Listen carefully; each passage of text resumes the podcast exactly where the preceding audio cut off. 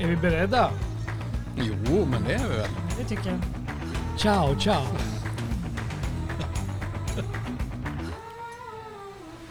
Ja, välkomna ska ni vara till konsulatet. Som Tack. dagen till ära inte sänder ifrån konsulatet självt. Nej, det här är ju poddnummer, Bernt. 48 och vi sänder eh, från Trattoria Montecchio och det låter ju väldigt italienskt och det Ja. är det också Det är det. i Luleå. Så är det. Ja, det- vi sitter på Hotell Savoy där eh, trattorian eh, håller till. Mm. Och ehm, idag så ska vi ju mm, käka lite grann och sen ska vi framförallt träffa lite folk här. Eh, Mm. Både hotellchefen JP Pozzi och eh, Eh, kocken. Kockan som heter Julia som kommer från Florens. Eller Ja, hon just det. kommer från en plats som ligger nära det här Montecchio. Men det kanske vi ska prata lite mer Det om kanske vi ska göra lite senare. Men vi kan väl börja med att hälsa JP välkommen.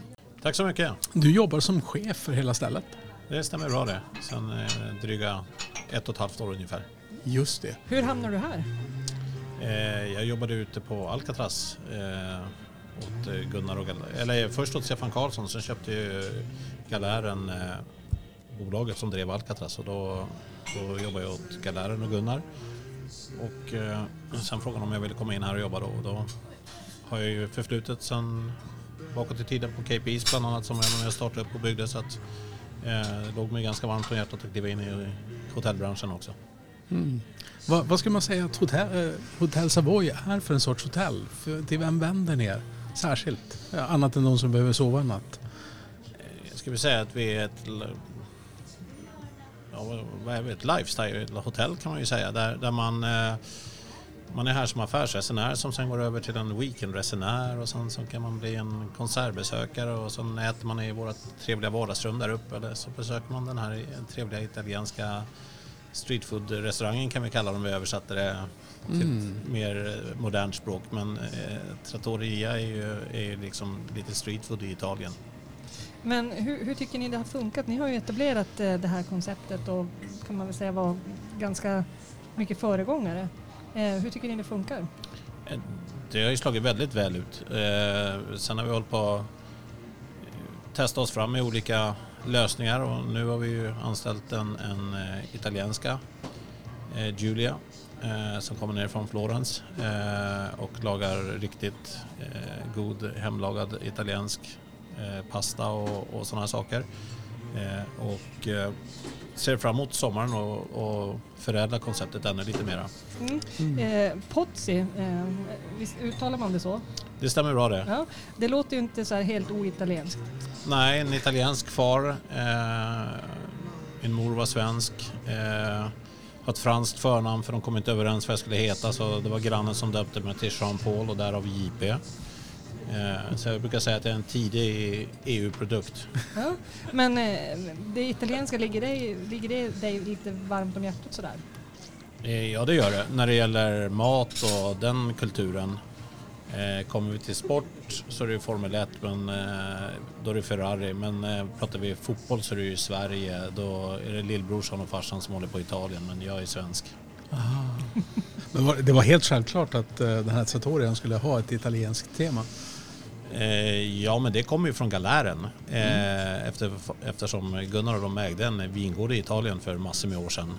Eh, och när jag skulle sälja in det här till Gunnar så tänkte jag då måste man ju hitta den svaga punkten och då hittade jag det på Galärens hemsida. Så det var ju självklart vad namnet skulle vara på den då. Ja. Men du, där uppe då, Ego, vart, vart, Ja, vart kom det vart kom det ifrån då?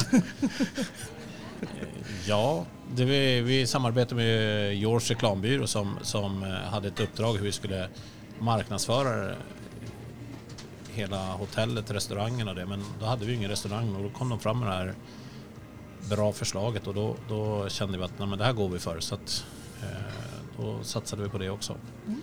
Va- Er vision då? Var, var ser ni hotellet och restaurangerna om två år? Eh, vi ser det som eh, det ledande hotellet i, i stan.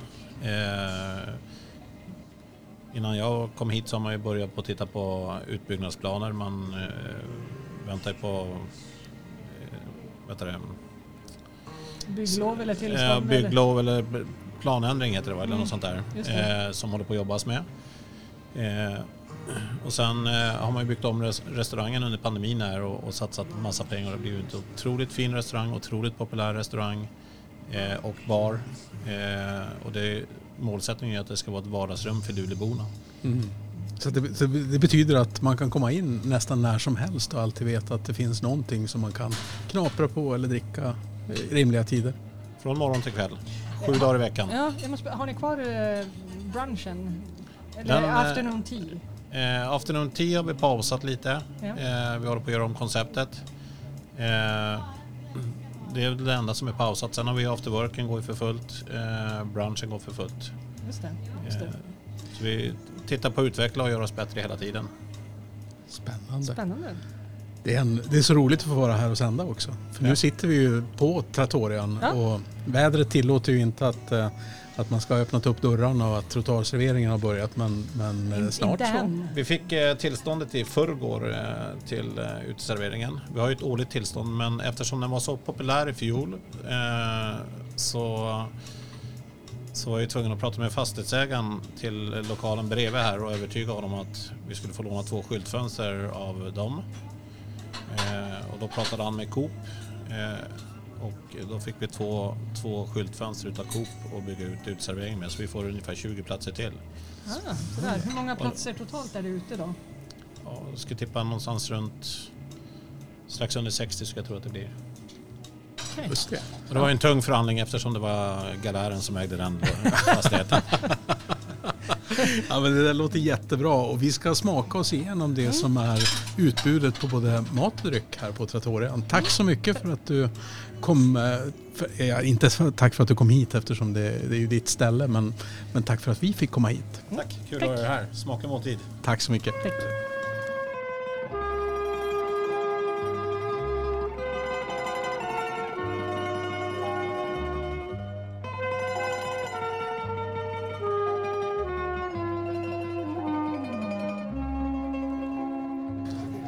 Nej men hörni, vad är det vi har framför oss för någonting? Om du, Malin, kan du skicka med den där pepperoni, pepperoniosten? Mm, den var inte dålig. Nej, och så har vi ju faktiskt eh, oliver som smakar mycket sötare än vad de där konstiga oliverna man köper med pimiento i.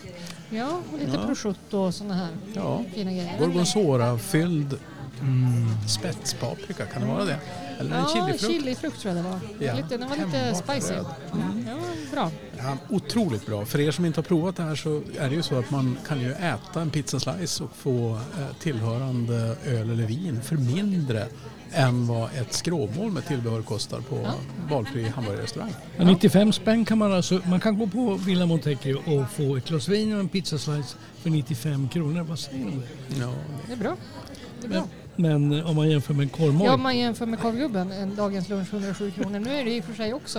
Eh, det ju om-. Om man är Ja. sugen på en hamburgare så är det absolut värt Mm. varenda Ja, krona. det kan man ju säga. Är man sugen på att äta på korvgubben då ska man inte komma till Hotell Savoy och till, till eh, Nej, det här är en helt annan. för Det här är en annan annan sorts Det här är ju rustik, Ja. äkta italiensk eh, mat om man säger Ja, så. verkligen. Ja, Det men det en, ena eh, utesluter inte det andra. Nej, Absolut. precis.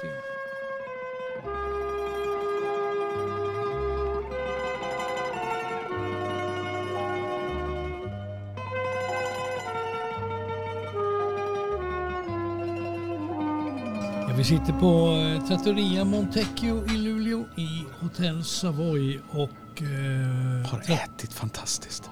ja, vi äter och har ätit fantastiskt.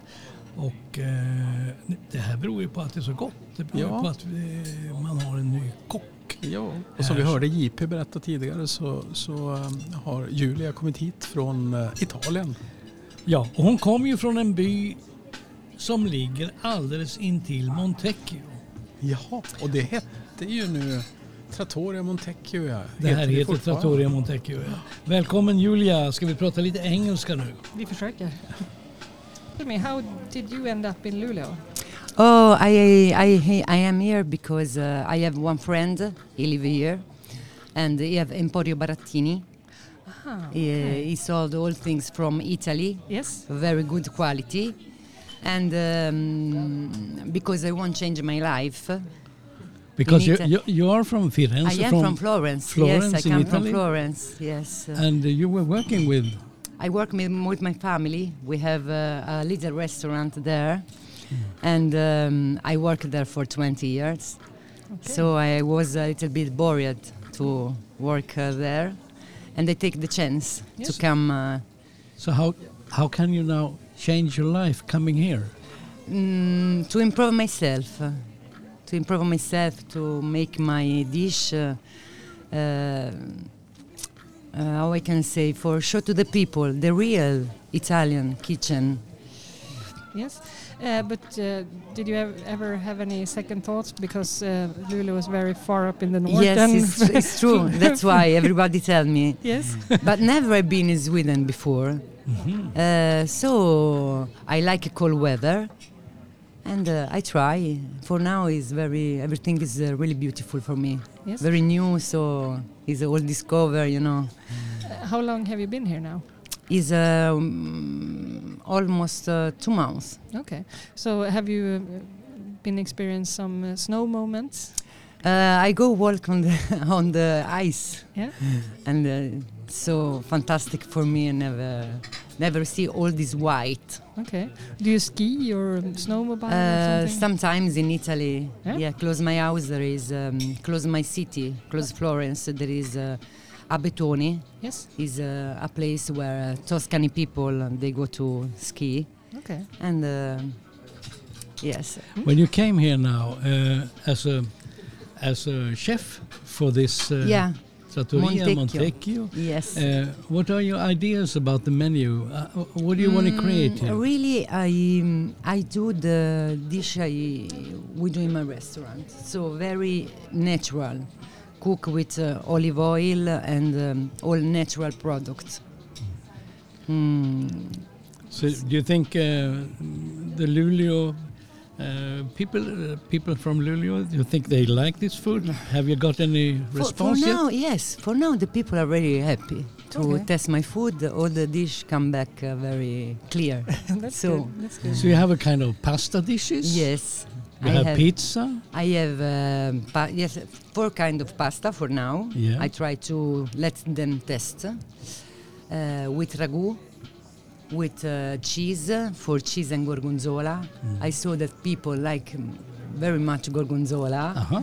and uh, there is some products is famous like this in i- here in Luleå, Yes. and uh, so I try to put uh, this product in my dish, Yes. and uh, So you're you're making these Italian dishes as you made them in in, at in my Florence, home. Yes, in Firenze. truly, yes. So this is very funny because I do the same thing I do to my home, and the people are very, very happy. Yeah. Uh, do you use Without uh, much sauce or something. Yeah. Only cook very simple, very simple way. Uh, do you use any local products like uh, local meat or local? Yes, I use local meat for made ragu, Yes. and I think it's very good. Yes. Yes. Uh, have you tried any other local products here that would work? Uh, for uh, for my for trattoria. Yes. Yes. For trattoria, um, really I use uh, the meat for ragu and uh, not not much uh, ev- other products because all the product I try to buy the Italian product only because I want that the people try the, the Italian food. Yes. yes. Uh, is it hard to find the products here in Sweden, or is it? Uh, a little bit, but um, for now, uh, with this uh, guy, I have uh, this shop. Uh, really, he, he, he take the first quality, and I am so happy about this. So I can find uh, something uh, very um, particular. Yes, Origin from Yeah. from Tuscany. yes, from Tuscany. Yes, and this is very good. Uh, do you have anything to say about uh, the wine? Do you get to choose what which wines uh, you should have for this food? Um, okay, for uh, for the food I made for the pasta, uh, we have here uh, Antinori, uh, red wine, and uh, it's very good because we drink at home. So I, I find here the, the wine from my city. Ching ching. yes, and this is very good. I find the best quality of food. I don't find um, the medium quality. I find the high quality, and this is very good for my cook. All the best to you. Good luck. Thank you, thank, you, very so much. much. Thank you.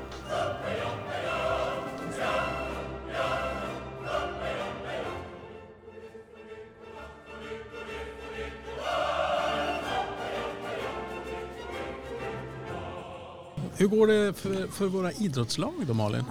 Ja, ehm, det, det, ehm, Eller hur gick det får vi ju säga till det. vissa, vissa är ju färdiga, så Ja. kan man väl säga. Luleå Hockeys herrar är ju jättefärdiga. De är färdiga. Eh, BC Luleå jättefärdiga. Jättefärdiga de Mm. också. Vad sa jag? Vad sa jag? Jo, Ja, just det. ja. Vad var det jag sa? Ja, Mm, jo. mm. Eh, Luleå Hockey MSSK, damerna, de är ju också färdiga. Men, De är också färdiga. men Men, de, de, eh, fick ju... ja, de slutar ju i topp. Ja. Ja. Eh, riktigt, riktigt imponerande. Och sen har vi ju Luleå Baskets eh, damer som Mm. kommer att spela final, första finalmatchen på onsdag. Och så sen har vi 19. nästa final och det är ju herrarnas ishockey. Vi har ju finalspel där Skellefteå. Ja, du jobbar med det där du. du Jag du jobbar otroligt hårt. mycket vet- det. Ja, men det, är ju, Jag hör det. ja, men det, det, alltså det finns ju en fördel med att vara aktiv i norra Sverige och det är ju vinst varje gång. Alltså det är bara när det är derby som man tvingas visa ah, du färg. tänkte så. Ja, Ja, det. visst är det så. Mm. Mm, ja, så kan man också se det. Eh, så kan man också se. Nej, men hur skulle du vilja sammanfatta säsongen då Malin? ja, men för, bedrö, bedrövlig för herrarna. för herrarna? Ja, Ja. ja. på både hockeyn och basketen. Det är ju alltså eh, underkänt. Men ska vi inte kasta oss in och säga någonting om Luleå Hockeytjejerna? Ja, Ja, det de, vi de har ju givetvis, eh, de är ju inte underkända. Nej, det går Nej. väl inte att sluta bättre än etta va? Nej, precis. Och det, jag ska inte säga att det var det var väl inte väntat, det var inte oväntat heller. Men sett till säsongen så, ja men de har ju varit klart bäst på, på alla positioner. Och, Men om jag sätter 100 spänn på att eh, det blir samma utfall med eh, Luleå Basket, flickorna, damerna. ja, det tror jag också. Sätter du Eh, emot? Nej, jag sätter inte emot. De är, de är rysligt bra. Och ehm, det blir ju då antingen Norrköping eller Södertälje i final. Och Skickar du Ja. en riv? Ja, ja, jag jag ehm, kan inte se att de ska torska i en matchserie mot något av lagen faktiskt. Mm. Så att, eh, ja, nej. Jag, Men det är ju så att eh, vi på konsulatet jobbar ju med att se bakom hörn och också skåda in i framtiden och det är klart att eh, vi hade väl inte förutsatt guld egentligen någonstans annat än Skellefteå.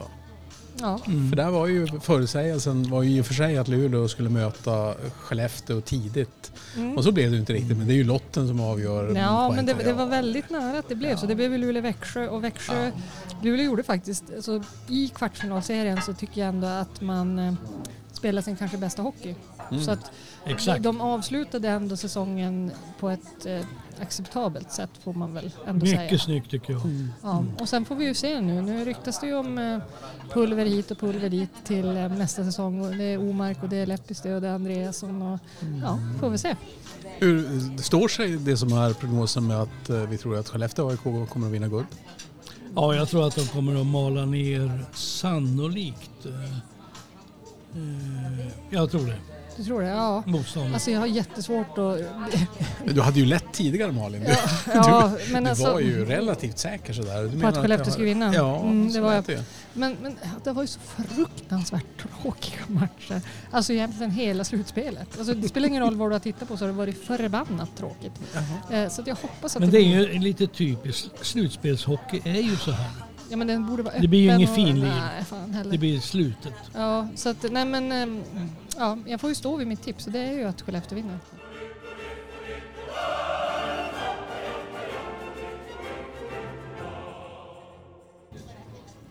Ja, men du Bernt, du är ju bäst på att spana. Eh, Jag har uppfattat att du har en, en ny spaning på gång. Nej men jag funderar på det här med Talga versus Talma. Mm. Just det, och för de, för de som då inte riktigt vet så är det ju så att Talga är ett företag som är intresserade av att börja gruvbrytning av grafit. Och Just det. vad behöver man grafit till? Blyertspennor. Och till... Nej, nej, nej. Jo, men det ska man väl ha grafit till också? Anoder till batterier. Jo, jo, jo, precis. Men det är ju för de som är lite moderna. Men, men vi som skriver blyertspennor. Vi som är lite analoga, Ja, vi, vi vill också ha grafit. Nej, men, Och, ta, och Talma är ju en, en eh, sameby. Ja. Ett renskötselkooperativ. och då, eh, jag funderar lite grann på var kommer det här Talga ifrån? Var, varför heter de Talga? Jag tänkte, är det någon, något latin eller är det någon förkortning eller har det med talgoxe att göra? Nej, det tror jag, jag tror att vi kan, av, vi kan avföra detta med talgoxe och talga. Vad tror du det handlar om? Jag har ingen aning, men det kanske Det du vet. är en flod i nordvästra Australien där de har verksamhet som heter Talga River. Och varför? Det är väl något sånt där aborigin språk eller någonting. Mm. Nå, i alla fall, det var inte det som var spaningen Malin, utan det är ju det. Mark och miljödomstolen har alltså sagt ja så att Talga ska få eh, öppna en grafitgruva i Vittangi. Och processen är väl inte helt klar än. Men visst var det tids, alltså det var bara halvårsvis eller? Jo, alltså grejen är att protesterna mot det här kom i princip samtidigt som Talga skickade ut sitt pressmeddelande. Och ni två tänker jag då, för jag sitter och funderar på det här. Ni två som begriper saker bättre än jag. Alltså hur ska, Det är farligt när du inleder sådär. Alltså. hur ska gruvskeptiker någonsin kunna komma överens med gruvoptimister? Alltså hur ska industrinäringen någonsin kunna samsas med samiska intressen och rennäringen? Alltså man visste ju på förhand att det här skulle det bli bråk om. Jag vet, Okej, aldrig. Därför att det är så att om det finns, min, min bestämda uppfattning här är att om det finns det minsta oklarhet om vad, ska, vad är mest värdefullt. Är det det som brukas på marken eller det som brukas under marken? Finns det minsta lilla oklarhet så är det klart att det kommer att finnas en konflikt om markanvändningen. Det är ju det som har skapat världskrig eh, genom historien. men det är ju lite grann som Malin säger. Alltså de ska bryta 120, ton, 120 000 ton grafit om året. Men de lägger sig på att bara bryta under sex månader för att ta hänsyn till eh, rennäringen så att re, renarna ska kunna vara ostörda eh, när de inte Under, bryter. under kalvning och... Och när de, ja, och när, Mm. precis när de, när de är i de här områdena. Och, och, varför funkar det ändå inte? Nej, men jag, tror att det, jag tror att det är ganska enkelt. Därför att det, det, eller det är inte enkelt, det är komplext. Men det handlar ju om vem är det som, som ska få bestämma vad som händer på markområdena. Och de här, det vi har i norra Sverige är ju plats. Alltså vi kan inte direkt säga att vi är överbefolkade i, i befolkningstäthet. Men det är intressen som, som kräver stora landarealer för att kunna fungera. Det är besöksnäring som i huvudsak eh, står emot renskötselföretagande. Det är eh, renskötselföretagande som har problem om det blir gruvdrift med mera. För det, det är klart att man kan inte öppna gruvor där, där människor bor i någon större omfattning. Dels därför att det finns inga fyndigheter där men framförallt därför att eh, ska man ha gruvverksamhet så kräver det en hel del plats. Inte för gruvan men för allting som kommer till med Men handlar det, inte, hörni, handlar det inte väldigt mycket om hur vi tolkar det här med hållbarhet? För Mm. alla eftersträvar ju någon form av hållbar eh, utveckling men, men olika aktörer menar olika saker. Jag menar, eh, de som är gruvskeptiska de ser ju en god miljö och att man tar hänsyn till samernas intressen och sådär. Det ser de som hållbart men de som är gruvpositiva de menar ju att ekonomisk tillväxt är nummer ett. Det är liksom grunden för att vi ska kunna bygga ett hållbart Ja, samhälle. dels det men sen också att, de, att gruvdrift i Sverige är mer hållbart än, än gruvdrift Mm. i andra länder och eh, import av de här typen av material är inte hållbart.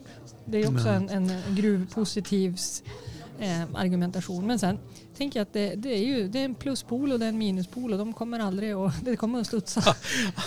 Just kopplat då till batteritillverkning. Men, men det får man ju som säga, jag menar en, jag har ju tidigare jobbat som en, som en sån här bra sak för, för alla lyssnare att veta. Jag har jobbat i, i gruvnäring under lång tid. Och det är klart att eh, man kommer ju fram till att allting som inte växer måste ju grävas upp som vi använder. Det är ju en, en grundförutsättning för all sorts mänsklig aktivitet. Sen är det ju så att om det vi gräver upp är energimineral, olja, kol, vad det nu är för någonting, så är det så icke-cirkulärt man kan, man kan komma. Men pratar vi om att man gräver upp jungfrulig eh, kopparmalm som man förädlar till koppar så kommer ju kopparen att finnas kvar i systemet. Det är ju nästan inga förluster i återvinningskedjor för, för de flesta metaller vi har.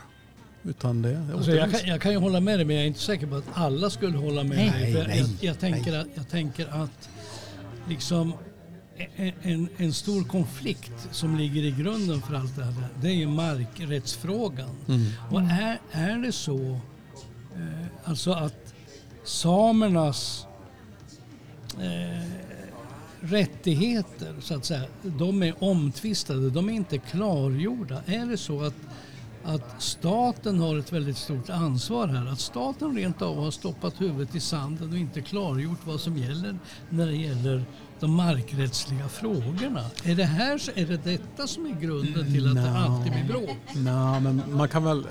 Jag, jag skulle nog vilja påstå att eh, när det gäller alla frågor som handlar om, om eh, det som är rennäringen så är det ju att vi har haft, väldigt, vi har haft för lite politik över tid.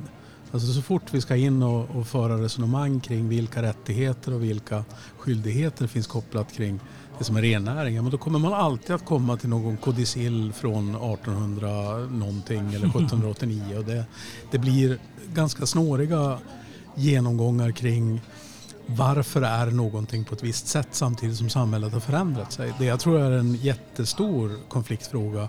Jag vet inte om ni kommer ihåg det men i, i Västerbotten så, så var det en stor konflikt med en, en eh, dam som eh, uppförde en, eh, en kåta eh, i, på sina förfäders marker där hon skulle kunna utgå för, från att, eh, jag tror hon slöjdar och finns i naturen. Men hon har inte rättigheter att göra det så att Kronofogdemyndigheten bränner upp den här kåtan så fort den kommer upp. Och då är ju inte problemet att hon inte skulle vara same för hon är ju så mycket same som det går att bli men hon har inte de rättigheter som finns förenade med just renskötseln. Och här finns ju inbyggt en, en hel del konfliktytor där man, har, där man låter rennäringen vara det som, som endast eller i mångt och mycket ger tillgång till specifika rättigheter samtidigt som de flesta samer i röstlängden till Sametinget saknar de här rättigheterna för de driver inte rennäring. Nej, men sen tänker jag också att det är ju så otroligt, alltså det är så känsliga frågor som man, man vill nog inte riktigt böka för mycket i. Är det för att vi är svenskar som Ja. inte vill bö- böka för mycket? Ja, men, alltså, Alltså vi vill inte ha för mycket åsikt i det här för att vi är svenskar och då blir vi ändå ifrågasatta. Eller vadå? Ja, men jag, jag tänker mer att vissa, vissa frågor blir så känsliga att, att hantera. Även om man skulle kunna hantera dem på ett rationellt sätt så ligger det liksom för mycket i historien som gör att man inte... Så det, Mm. det, det, det, är, för, det är för känsligt. Men, men om man tittar på Australien, alltså de har ju haft och har de här problemen med sin ursprungsbefolkning. Eh, alltså, har Sverige gjort upp med samerna? Nej. Har vi klarat ut en massa frågor? Alltså det känns som att vi är lite på efterkälken. Men jag tror samtidigt så, och det här är kanske att sticka ut hakan väldigt långt, men jag tror att just nu så har vi ett problem med att det är så lätt att skildra som att eh, frågor om samiska rättigheter är precis likadant historiskt uppkomna som det som är aboriginiers rättigheter eller inuiter eller, eller indianer eller Mm. oavsett vad det är för Mm. någonting man vill prata kring. Den, den historik som finns belagd i norra Sverige är ju att, jag menar, huruvida man, man har samiska rättigheter eller inte, det är ju samma sorts släktförhållanden ofta för alla som på något sätt har sina rötter i norra Sverige. Och frågeställningen vad man räknas till är ju kopplat kring om man, om man bedriver nomadisk renskötsel eller inte. Så att, eh, Alltså menar- är det här en omöjlig fråga?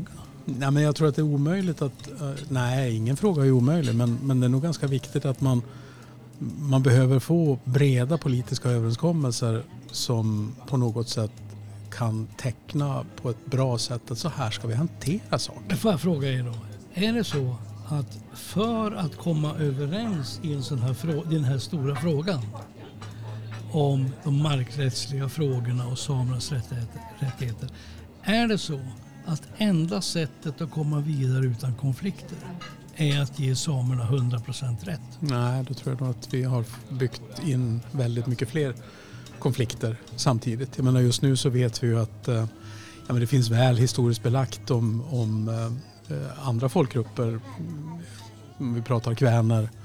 eh, Som det finns ett antal diskussioner kring som, som på likartat sätt har varit både har en väldigt stark historia sedan urminnes tid men som också har varit förföljd på precis samma sätt av det som var det riktigt eländiga sättet som staten Sverige hanterade minoriteter av alla slag under, ja men ända fram till modern tid. Rasbiologiska institutet avskaffades ju först efter andra världskriget. Så det är ju en... Jag är lite inne på din linje Bernt, jag tror det är omöjligt. Mm. Jag, jag, tror, jag, jag, jag tror faktiskt det. Jag, jag är inte pessimist men, men jag... Du är inte pessimist men du tror inte det går? Nej, jag är realist. Nej, men jag, jag, jag ska avsluta den här diskussionen. Jag tror inte vi, vi kommer så mycket längre. Men jag tänker på det här som han som är ordförande i Talma sameby sa efter det här. Han sa eh, någonting i stil med att det här är en svart dag när Mm. Talga fick det här eh, grönt ljus. Och liksom, han menar på det att det räcker ju inte med eh, att de ska bryta malm, eh, bryta grafiten i sex månader. Utan vi har ju andra problem på våra renbetesområden också. Det är nämligen så att våra renar klarar inte av att vara nära S-range. Ja, just det.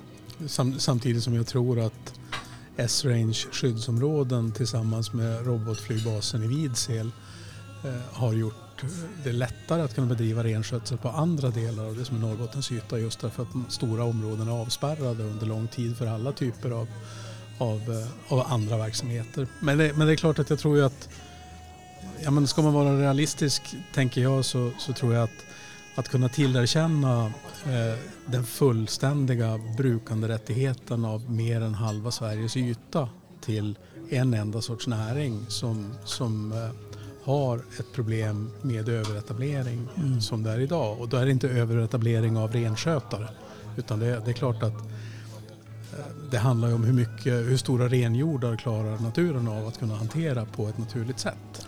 Är detta ett moment 22?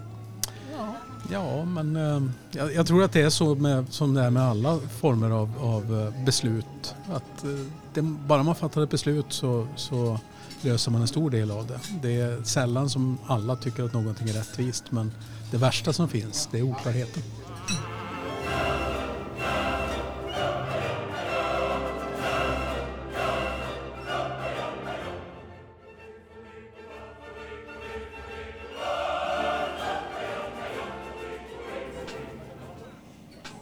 Hörni, eh, Boden går ju på offensiven som tusan här nu. Just det. Eh, det låter nästan militärt Ja. med tanke på Bodens historia. Ja, alltså eh, bara om drygt två år så ska H2GS starta sitt vätgasdrivna stålverk. Det är ju lite unikt. Alltså man investerar över 50 miljarder. Just det. Och det här kommer ju betyda enormt mycket för Boden. Vad säger ni? Kommer Boden att fixa det här? Jag har ju, alltså initialt så tänkte jag få se nu vad det här är för någonting. Just det, apropå din tidigare så här lätt pessimistiska läggningar. Precis. Eisekannatter som det heter på Ja, men alltså, nu, nu låter det som att jag är pessimist, jag är ju inte det. Men, men eh, någonstans vis av erfarenhet så är det ju inte så jävla enkelt att bygga ett stålverk. Eh, som dessutom är fossilfritt och som är gjort på, på vad heter det, eh, riskkapitalsinvesteringar. Mm. Mm. så.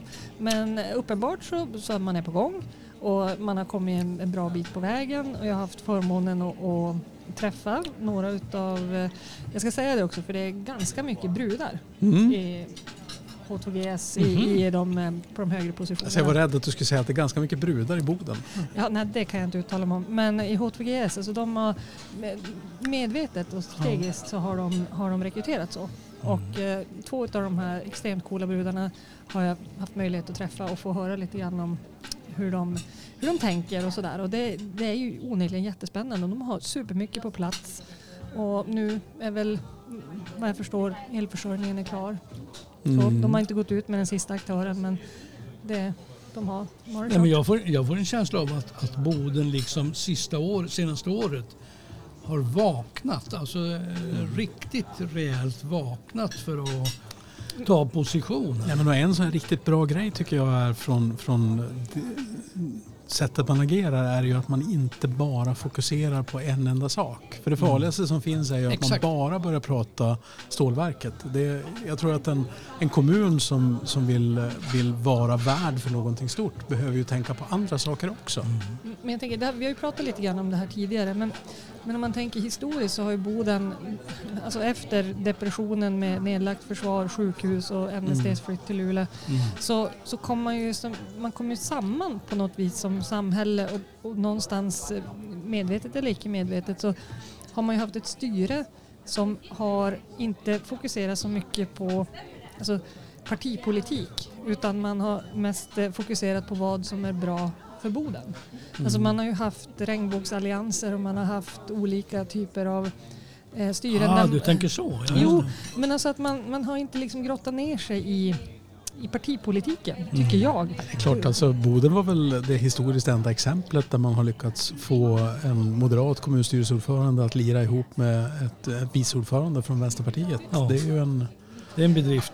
Ja men det är det och det på något vis tycker jag satte någon form av, av ribba för ja, men hur man ska tänka framåt. Och, Allt är och, möjligt. Ja men liksom. allt är möjligt och sen också, för det är inte nödvändigtvis så att en, en moderat politik i Boden är 100% korrekt eller att en vänsterpartistisk politik i Boden är 100% rätt. Men man kan bortse från det och titta på vad som är bäst för, för vårt samhälle Mm. och kanske få liksom kompromissa lite Jag tror att man vill jättemycket. Alltså det, det syns ju någonstans det här med att det, det, det är en kommun som verkligen, som verkligen jobbar för Ja. att den här investeringen ska kunna komma på plats. Ja, men det är det jag menar. Alltså, ta, ta det här med, med eh, det här nya foodtechbolaget som har tecknat något kontrakt med en livsmedelsorganisation. De som Alltså, ska odla de- gurkor. Jo, alltså Mm. de ska bygga 10 000... Och mango tror jag också. Jo, 10 000... Jo, nej, men det var ett aprilskämt. Ja, det var aprilskämt. Jag vet, jag vet inte. Ja, jag vet Eller, eller var det det? Men alltså Ja, de ska bygga väldigt. 10 000 kvadratmeter växthus som ska drivas med överskottsenergi från datahallarna.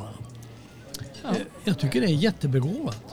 Men det är jättebegåvat. Men sen är det också så att eh, det här har vi också pratat om lite grann i olika sammanhang.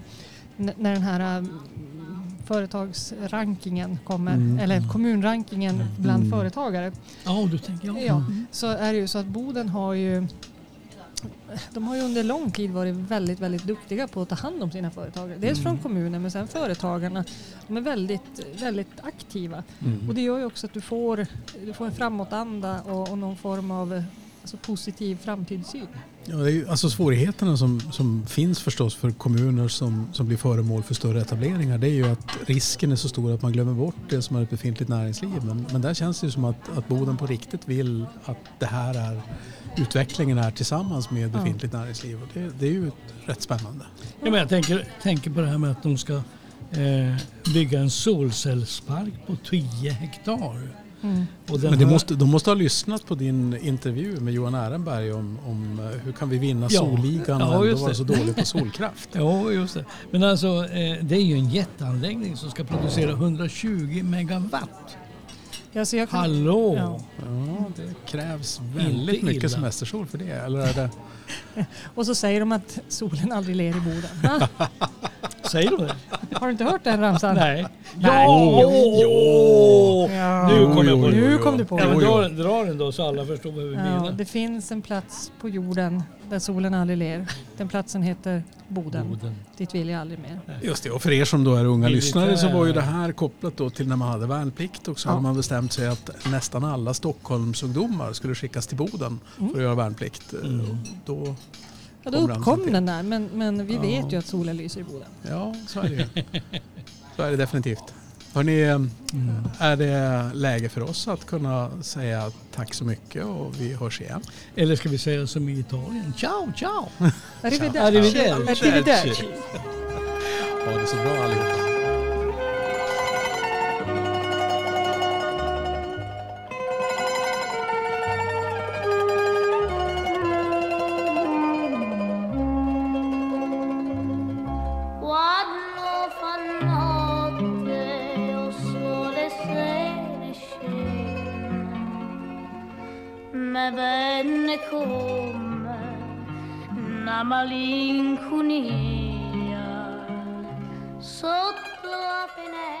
Programmet sponsras av Advice, BDX, Handelsbanken, Hotell Savoy och Galären.